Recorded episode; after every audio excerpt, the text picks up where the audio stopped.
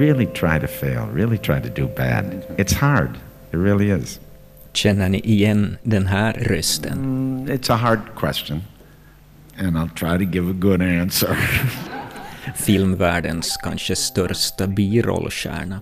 I don't think of myself as an interpreter. I like being like a, a color in the painting. Den amerikanska, numera också halvitalienska skådespelaren som i år har fått riktigt mycket positiv uppmärksamhet för sin sympatiska roll som motellföreståndaren i filmen The Florida Project och som säger sig trivas med att vara ett verktyg för någon som vill skapa en egen värld på filmduken. Sometimes I get the same satisfaction out of doing a small role as I do a large role. Nu ska han berätta om hur allting började på 1970-talet. Om hur han fick sparken från sitt första filmjobb. Om några centrala filmer från hans karriär. Om hur det känns att bli äldre. Och ja, så är vi också med då han får ett pris. So please welcome Willem Dafoe.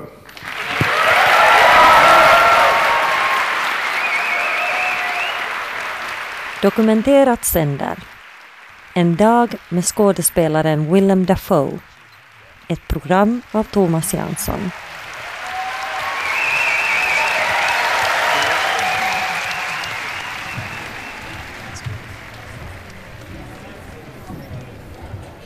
Det är galakväll i Berlin.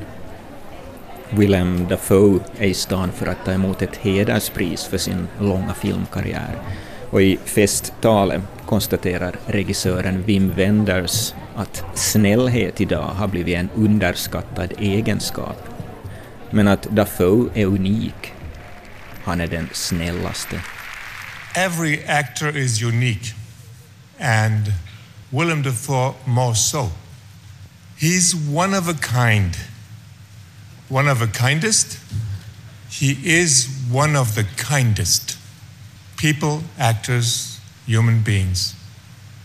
You managed to even let us feel for your Max Schreck Dracula or for that rotten Antichrist husband. They were all nasty, sure, but there was something left in them that felt like it could be redeemed. Nobody can show that who does not have a reservoir of a lot of kindness in his soul. Ingen som inte har en reservoar av vänlighet i sin själ kan fås att känna något för obehagliga Dafoe-rollkaraktärer som Dracula eller Antikristfiguren. Och visst är det något av det som lyser igenom också i hans senaste film, The Florida Project, där han kompa amatörskådespelare och barn. Som man skrattar, när man gör en film ur barnets perspektiv är man tvungen att välkomna kaos. I can always tell when adults are about to cry. Why is my mom yelling? Just talking, they gotta figure something out. Okay, I warned you, one drip and you're out. Oh, come on! Out now. It's gonna melt För att förstå miljön i filmen som beskriver marginalisering och fattigdom utgående från i första hand ensamstående mammor som bor i budgetmotell, nära Disney World dessutom, så levde han själv en tid i liknande motell. Dessutom spelades filmen in just i en sån verklig miljö. Dafoe fick sin tredje Oscarsnominering för den rollen och säger sig vara stolt över just den Oscarsnomineringen. För att han fick representera en film som just idag berättar om samhälleligt ansvar och medkänsla. Florida Project is a movie that I really love. I'm very proud um, that uh, to be nominated for it. I'm proud to represent the movie. We shot at a place where people are living this existence. They helped us make the movie. I learned a lot. It was a world I didn't know. The movie is like a little portrait of a society, and I think it's real telling and speaks a lot about um, social responsibility and compassion. Willem Dafoe, född 1955, uppvuxen i lilla Appleton, 300 kilometer norr om Chicago. näst yngst bland fem systrar och två bröder, en av filmvärldens flitigaste och mest formbara skådespelare som är känd för sina kargt vilda ansiktsdrag.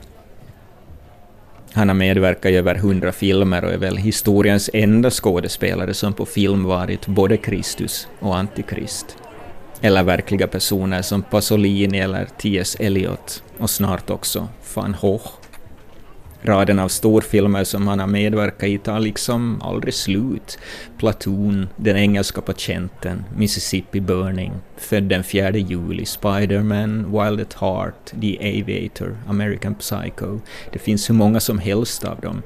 Och på vägen har han tre gånger nominerats för en Oscar för bästa manliga biroll. Flitig är han också. Bara i fjol kom han med hela åtta nya filmer. Men nu är vi i Berlin där jag vid två tillfällen sitter i samma rum som Dafoe. Båda gångerna är han lika svartklädd, från topp till tå. Svarta strumpor och skor och byxor och skjorta och svart kavaj. Och så det så kännspaka ansikte, bred mun, luckan i tandraden, höga kindben. Nu bär han också ett ordentligt skägg. Kanske hade blivit kvar efter rollen som konstnären Vincent van Gogh en film av Julian Schnabel som enligt planerna släpps senare i år. Och så är han som om han väldigt mycket på riktigt var sig själv genom de två timmar jag hör honom berätta om sin karriär. Han är lekfull, vardaglig, verkar uppriktig, som om han inte brydde sig om att klä på sig någon offentlig roll. Han undviker att bli riktigt privat, men är ändå personlig, bjuder på sig själv. Och han har många anekdoter i bagaget från sina över 40 år som skådespelare. Som den där då han 1980 skulle göra sin allra första film, Heaven's Gate, med Vietnamfilmen Hjortjägarens regissör Michael Cimino, men fick sparken för att han skrattade för högt. Det var också annars ett problemfyllt projekt. Budgeten svällde från 8 till 40 miljoner och redan efter första dagen var man en hel vecka efter i tidtabellen. Och så en dag. Michael Cimino, who was making the movie, was so was working with the script and inventing things so much that by the first day we fell a week behind in the schedule. It's true. And what was a three month shoot became an eight month shoot. Was an, what was an $8 million budget became a $40 million budget. Well, that's just to set the scene. Okay, so I'm there. I've been there for three months. It's a very small role, but as, as I say, he's inventing things, so I'm getting to do some interesting things. And one day, we're all day we're in a lighting setup in full makeup and, and uh, costume. We are not shooting. We're just testing the light. And there's a group of us playing immigrants, and we're standing there for eight hours in place. And it gets a little boring. And the woman next to me whispers a dirty joke in my ear. And I laugh, I laugh a little too loud. Vi var många skådespelare som var både sminkade och uppklädda fast vi bara skulle testa ljusförhållandena. Så håller vi på hela dagen. Vi hänger där i åtta timmar. Det blir lite tråkigt. Kvinnan bredvid mig viskar en fräckis i mitt öra. Och jag skrattar. Lite för högt så att Chimino hör det. Och så ger han mig sparken. Direkt. Så där bara. Chimino, oh, who's talking to people out here, hears the laugh. He turns around and he says, Willem, step out. And everybody goes, and I was fired on the spot. That was my first job.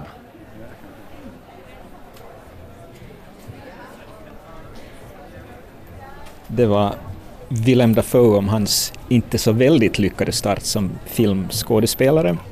Men innan han får huvudrollen i det här programmet så sätter jag mig ner tillsammans med filmredaktören Silja Sagren Fodstad för att ja, på några minuter försöka presentera honom. Hej! Hej! Du som har sett en miljon filmer, hur skulle du karaktärisera just Dafoe?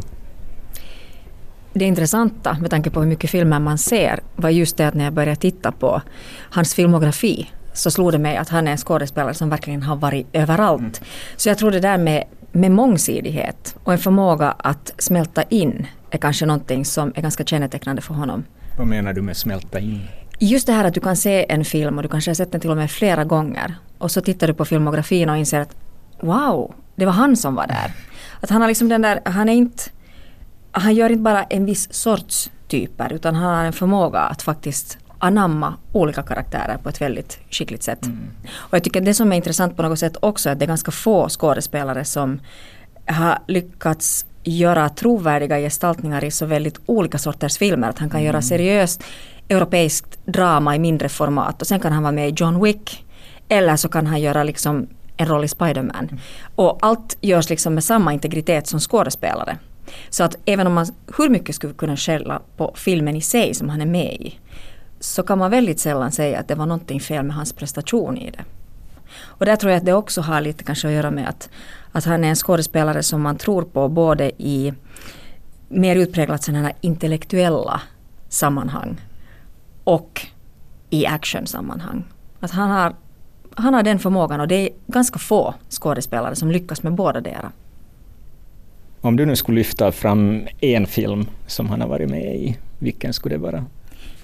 Det är ju lite klichémässigt men faktiskt The Florida Project tycker jag att är en strålande film. Just också det här är att, att göra en karaktär där du inte riktigt vet vem han är. Alltså är han en sympatisk karaktär eller är han någon som inte är sympatisk? Så småningom under filmens lopp så inser du ju att han är en otroligt mänsklig och varm person. Men det är inte så självklart när du börjar titta på filmen. Så att den har gjort ett jättestort intryck på mig och jag skulle gärna sett att han skulle ha fått en Oscar för den prestationen. Då du sa klichémässigt, vad menar du med, med det? Jag tänkte just i och med att det är det senaste vi har sett honom i. Okay. Att det är på något sätt automatiskt det som man hänvisar till. Mm. Men det har inte bara att göra med det att det är den som är färskast i minne nu. Utan just för att jag tycker att han med tanke på helheten av, av det garde människor som spelar i den när vi har barn och vi har också de här vuxna rollkaraktärerna som då inte är utbildade skådespelare och så har vi honom där och han skäl inte utrymme av dem och han är inte fokuspunkten egentligen överhuvudtaget utan han är liksom en organisk del av den där helheten som man berättar. Och det är ganska skickligt av en skådespelare som ändå är en så stor stjärna som han är. Mm. Att han ger det utrymme åt de andra. Så att därför tycker jag att, att det på något sätt fångar essensen i vad man uppfattar av honom som skådespelare.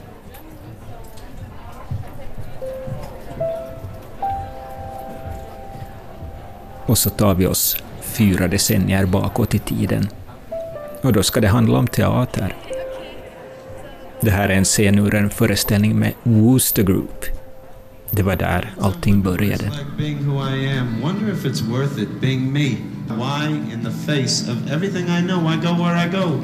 To live and breathe in the open air in my full wits, casting fortune to the wind on the wing of a dove, walking on toward a new horizon. För Willem Dafoe blev nämligen teatern biljetten bort från småstadstillvaron. Han hade inga drömmar om Hollywood och film.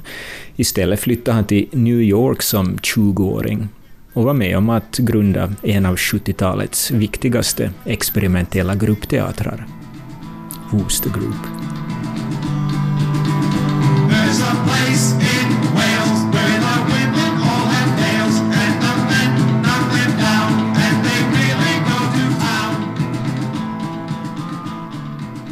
Här både arbetade och levde man tillsammans, utforskade teateruttryck på dagarna och uppträdde på kvällarna. Man spelade för att man älskade teater och inte för att någon tänkte det skulle bli en karriär. Och det är den tiden som formade Dafoes syn på arbete som skådespelare. At that time in New York there were a lot of people just making work, even though they weren't trained for it. It was kind of an amateur aesthetic, amateur in the best sense, the sense that we were doing it for personal reasons and because we loved it, not because we thought it was even going to be a career. We, we did every show as if it was going to be our last show. The time with the Worcester Group really formed my thoughts about performing, and it really shaped this idea of being a task oriented actor, also, actor as maker not as an interpreter, but an embodier and someone that does things. That's what I mean by task oriented. Det var Wooster Group som gjorde mig till en uppgiftsorienterad skådespelare. Inte en skådespelare som tolkar en roll utan en som förkroppsligar en idé. Men det handlar också om attityd. Hur vi integrerar teknik i föreställningarna, vilket Wooster Group gjorde väldigt tidigt. Det var aldrig ett estetiskt val, utan alltid någonting som gjordes av praktiska orsaker.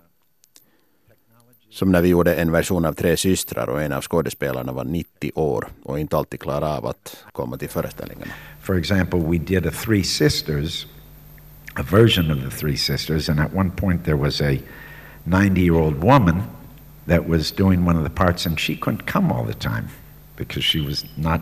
Uh, she wasn't strong enough to be performing all the time. So we taped her. So sometimes we would roll out a TV when she couldn't be there, and we'd do the scene with her on TV. Now, it sounds like that's an ecstatic idea. No, we were a poor theater company. It was the only solution, you know? Vi bandade in henne och hennes repliker.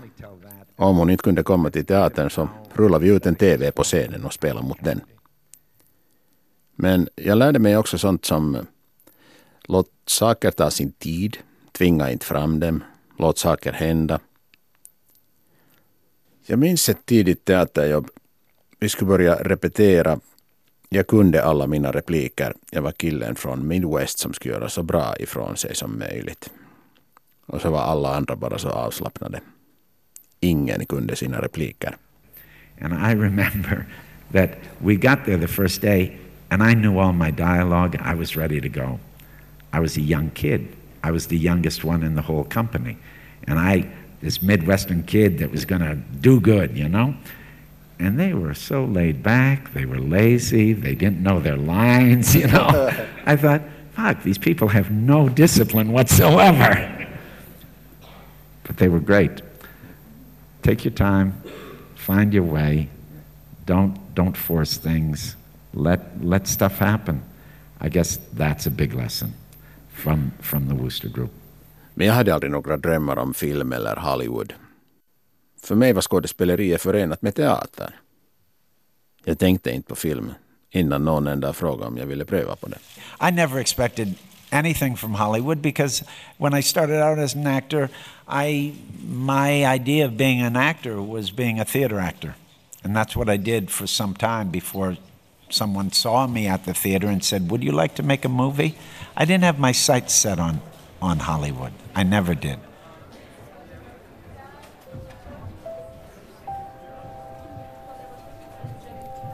Så börjar ett nytt kapitel i Dafoes liv. Men 40 år senare är det fortfarande något av Wooster Groups syn på arbete som styr hans yrkesliv. Då han får frågan vad det är som får honom att tacka ja till ett nytt projekt, är det inte alls den roll han ska spela, eller manuskriptet, som får honom att säga ja eller nej. Det handlar om helheten, ensemblen, platsen, allt det. Och då han vid ett tillfälle möter en sal fylld med unga filmmänniskor från hela världen, skådespelare och manusförfattare och regissörer, då får han alla att skratta stort då han tillägger att också regissören är viktig. When you approach projects, it's, it's really about people, places, and things. Yeah, director is very important. Did I say something obvious?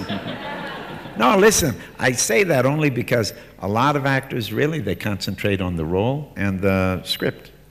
Jag säger det för att många skådespelare fokuserar bara på rollen, på manuskriptet. Men för mig är regissören viktigare. Jag tror väldigt mycket på en regissörsdriven film. För jag tänker att när en regissör skapar en värld, eller ännu bättre, bjuder in dig i en värld som är så hel att när du går in i den så är allt så logiskt. Du behöver inte tänka efter. Världen leder dig till det som måste göras. Då känns det rätt. When a director creates a world, and even better, when he invites you or her, he or her, to create a world that is so complete that when you enter it, there's a logic to it. You don't even have to think. It becomes so clear. You, the, the world points you to the way of what has to be done. That's a great director. I think people think, particularly in terms of d- directors, that I think there's this mis, or at least in my experience, uh, there's this misunderstanding that uh, a director, you know, an actor's director calls the actors aside and says, okay, now in this scene, I want you to really, you know, they talk about effect and emotions and what has to be accomplished. I've never experienced that. I never experienced that. Maybe that says something about me, maybe it doesn't. But I think there's a myth about Det finns en myt kring regissörer att de väldigt noggrant går in på känslor som måste uppnås och spelas fram. Men jag har aldrig upplevt det så. För mig handlar det om att regissören vill skapa en värld och behöver dig för att förkroppsliga den världen. Jag vill ha en regissör som har en klar vision och jag gillar att stå till tjänst och förverkliga någon annans vision. För mig är det viktigt. Min egen roll är egentligen det jag tänker på sist. And what I like, uh, my relationship with a director is when they have a very clear vision, something that they need to tell. And my job is to embody it and kind of under, and understand it through the doing. And I always like that. I like serving someone's ver- vision that's outside of myself, not myself. Because I feel like that way you're more flexible, you have more possibilities to see in new ways and to surprise yourself and uh, have things happen to you that you could never imagine if you were just doing it for yourself or you were interpreting something.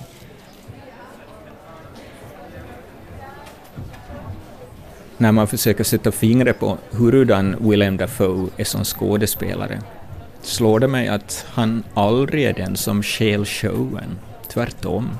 Det finns många filmer som jag långt senare inte alls associerar med Dafoe.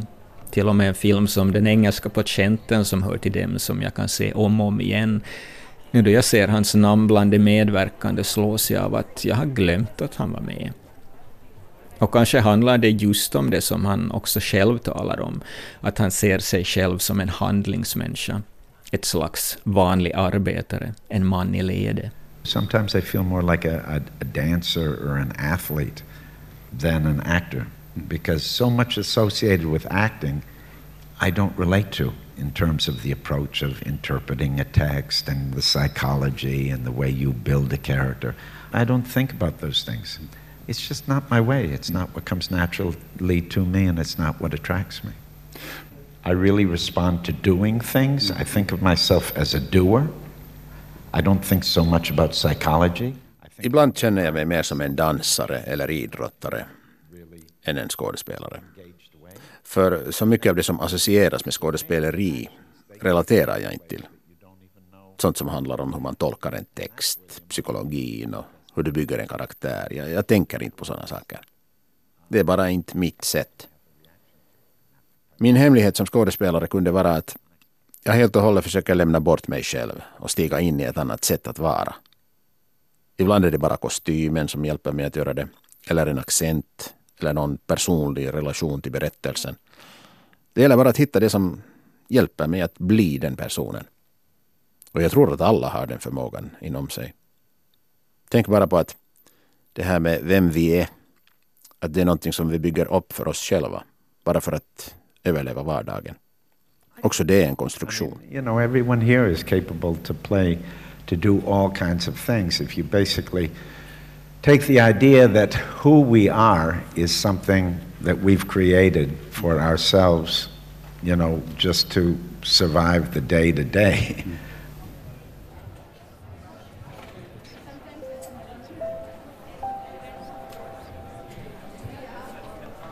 Så talar vi om det som är det stora temat i filmvärlden idag.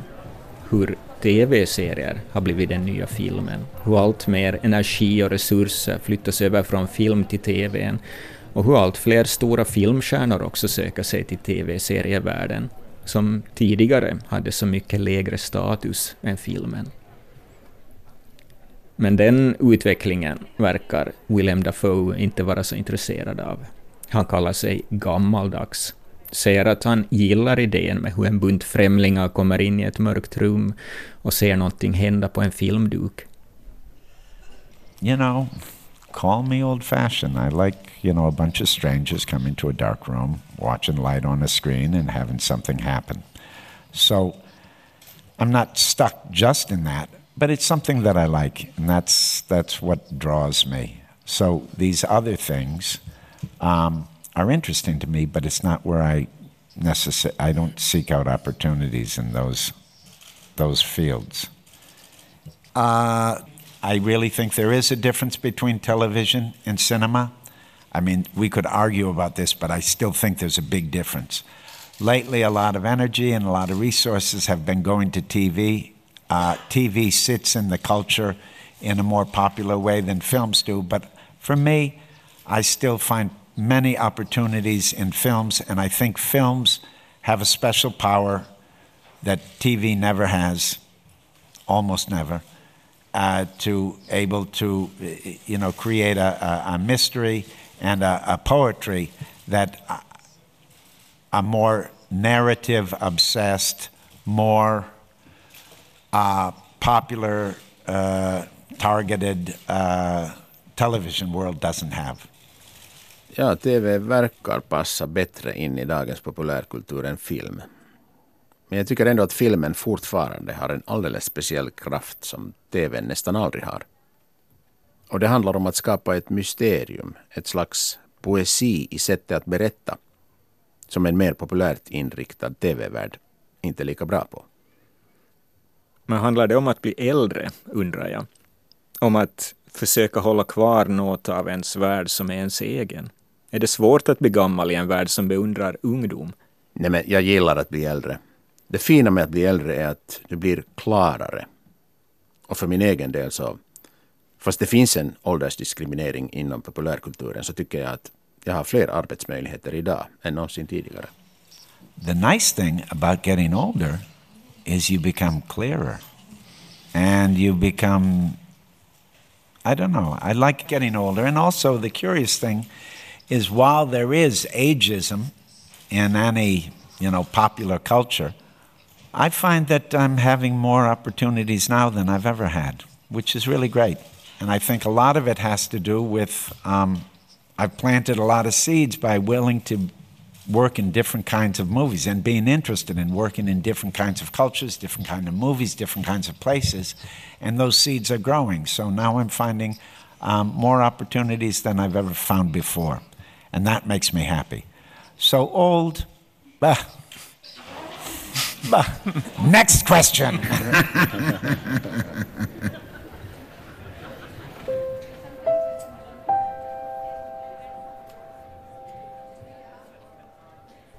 Vi talar också om två filmer där Dafoe har spelat riktigt viktiga roller. Den nya The Florida Project av Sean Baker och Mississippi Burning av Alan Parker från 1988. I am sick and tired of going to the funerals of black men who have been murdered by white men. They are powerless against us if every single Anglo-Saxon Christian one of us stands together. The rest of America don't see it that way, Mr. Mayor. The rest of America don't mean a damn thing. You in Mississippi now. Mississippi brinner är baserad på en verklig händelse från 1964 då tre medborgarrättsaktivister mördades i sydstaten Mississippi.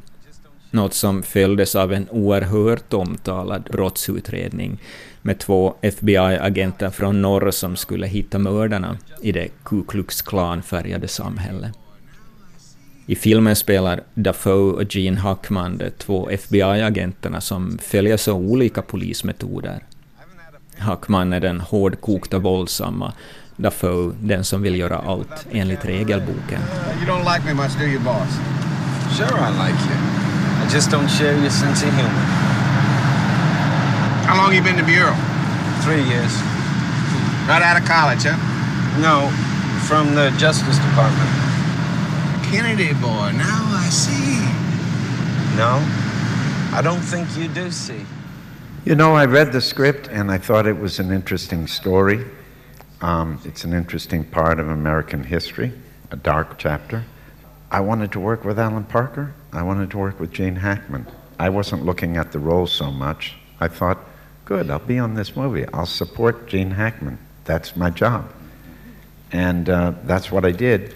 But the truth is, the role ended up being much better than I thought it was. Uh, the actor in me said, okay, it's a little flat on the page. There's not, you know, but I like this project, so I want to be part of it. So I entered it, and in the end, I think uh, it was more interesting than I thought it was going to be. Filmen berättar om en intressant del av vår historia, ett mörkt kapitel. Och återigen så var det inte min roll som drog mig till projektet, utan det att jag ville jobba med Alan Parker och Gene Hackman. Jag skulle understödja Gene Hackman, det var mitt jobb, och det gjorde jag. Det är en väldigt stark personkemi som Hackman och Dafoe bygger upp i filmen. Själva bygget är väldigt traditionellt, good cop, bad cop. Men de två gör ett så intensivt jobb att man glömmer bort att dramaturgin egentligen bygger på en kliché. För mig känns Gene Hackman för all del som en skådespelare som gärna stjäl showen. Så hur var det att spela mot honom? Ja, han är en stark personlighet, men han var snäll med mig. Vi kom överens. He's a very strong personality, but he was kind to me. And, um, yeah. You know what he didn't like? I like doing stunts and things, but it's only the stuff with my body. Things like driving cars and all that. If they can't see who it is, I'd rather have someone do it. Well, Gene kind of prides himself on being a little bit of a hot rodder, or he did. And there were huge sequences where I had to drive and he had to sit there. Oh, man. Det som var svårt för honom var att det ofta var jag som körde bilen. Gene såg sig själv som en riktig hot rod typ. En sån där bilkung. Och då han sen var tvungen att sitta som passagerare medan jag körde. We'll go after all of them. Together. You wouldn't know how. You're gonna teach me how. You don't have the guts. Not only do I have the guts, I have the authority. What is that supposed to mean? New rules. We nail them any way we can, even your way. Is this you talking or some guy pulling your strings, huh? Both. We do it my way. Your way. With my people. Whatever it takes. Från den 30 år gamla Mississippi Burning till den helt färska The Florida Project, som gav Dafoe en Oscars-nominering för bästa manliga biroll.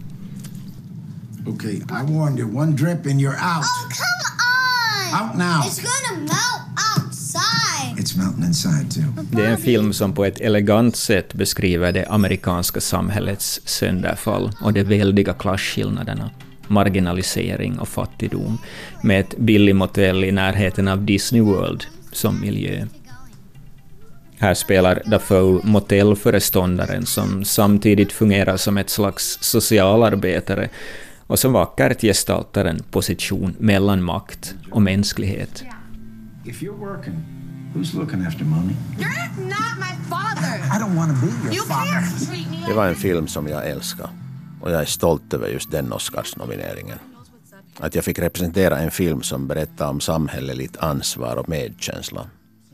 Och jag lärde mig mycket eftersom den beskrev en värld som jag inte kände till. Florida Project is a movie that I really love. I'm very proud um, that uh, to be nominated for it. I'm proud to represent the movie. It's a small movie. We shot at a place where people are living this existence. They helped us make the movie. I learned a lot. It was a world I didn't know. The movie is like a little portrait of a society, and I think it's real telling and speaks a lot about um, social responsibility and compassion. It's uh, it's a movie I like a lot. Okay, okay, okay. Haley, one, sort this out. Two, you smoke in the room again, you're out of here. I'm not smoking. Last warning, Haley. Yeah, well, I'm not. The way we shot the Florida project was really like an old neo-realist movie. We were shooting in the real place, telling a story of the people that were there. We, I was one of the few actors. It was mostly children and people that hadn't performed before. And uh, it's the story of uh, people who don't have a home that are living in these budget motels temporarily long term. So basically, you have a lot of single mothers with their children living in one room, sleeping all in the same bed. They have to develop strategies to find ways to survive, to pay the $36 a night that they have to pay for the room. And as the manager, I have to keep the peace, which is pretty challenging because I'm not that different from those people. Jag spelade motellföreståndaren som skulle upprätthålla ett lugn. Men jag var också som vem som helst. I filmen är jag inte hård, men samtidigt så vet jag att om jag låter dem lura mig så förlorar jag jobbet och blir en av dem. Det låter inte så dramatiskt, men det var okej. Okay. Den rollen handlar mycket om hur han måste förhandla sig fram. Han är i grund och botten en god människa som förstår att de här fattiga motellinvånarnas lycka hänger på honom. Samtidigt som hans lycka beror på dem. What's beautiful is this about this character is he's a very simple man and all he wants to do is keep the peace, which doesn't sound like a very dramatic thing, but it's pretty cool because you see how he has to negotiate situations and that somewhere deeply he's like a good man in the respect that he just wants to make things better. He understands uh, the law of interdependence. He understands that the people that he's working with, their happiness depends on him and his happiness depends on them. New job? Yeah. If you're working, who's looking after Och så närmar vi oss slutet på vår dag med skådespelaren Willem Dafoe. Amerikanen som idag också är italiensk medborgare eftersom han sedan 2005 är gift med en italiensk skådespelerska och regissör. Som han själv sa har han på äldre dagar fått allt intressantare jobbanbud och han är också flitigare än någonsin. Så vad önskar han av framtiden? Finns det ännu några drömmar som väntar på att bli uppfyllda? Några drömprojekt som han ännu vill hinna genomföra? Men nej, den som väntar sig något dramatiskt svar blir besviken. Som väntat håller han också i det här sammanhanget fötterna stadigt på jorden. Han vill bara fortsätta göra det han alltid har gjort. Uppträda, göra film, spela teater. För som han säger, allt det fylls fortfarande av något spännande, oförklarligt, mystiskt. Career goals, um, you know, just kind of to do what I've always done uh, performing and making movies and making theater is still mysterious to me. It's still always changing, it's always different. So the goals are kind of the same to be engaged, to always feel like you're working to find some sort of, you know, find that thing that connects us all, uh, to be useful, and to be engaged in a way that sometimes you can't be engaged in regular life. Because when you have the kind of commitment and concentration when you're performing, you sometimes get the sensation of feeling the world drops away and you feel present in a way that sometimes it's hard to feel present in life. Mitt mål är detsamma som alltid tidigare. Att känna att man jobbar för att hitta det där som kan förena oss alla människor. Att vara användbar. Vara en del av saker som man inte har möjlighet att göra i sin vardag. Söka efter situationer där jag kan försvinna och söka det som är fint med att leva här. Och att vara människa. Den lilla tid vi har här. So I'm always trying to achieve that and to try to connect those moments where I feel that so it's one long ribbon of, of being there. That's, that's the ambition. So looking for situations where I can really disappear, find a new way of being, and, uh, you know, as always, kind of search for what's great about being alive and what's great about being with other people in a room and what's great about uh, being human for the little time that we're here.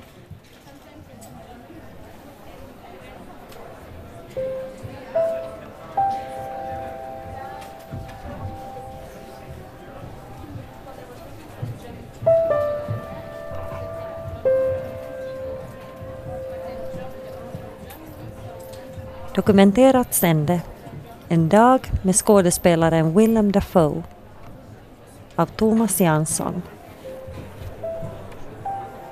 I programmet hörde vi också filmredaktören Silja Salgren Fodstad samt Niklas Häggblom som Dafoes svenska röst.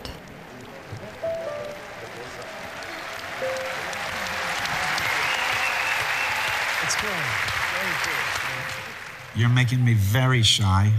I don't know what to say. Um, I'm not finished yet. I'm going to still make movies, whether you like it or not. um, so.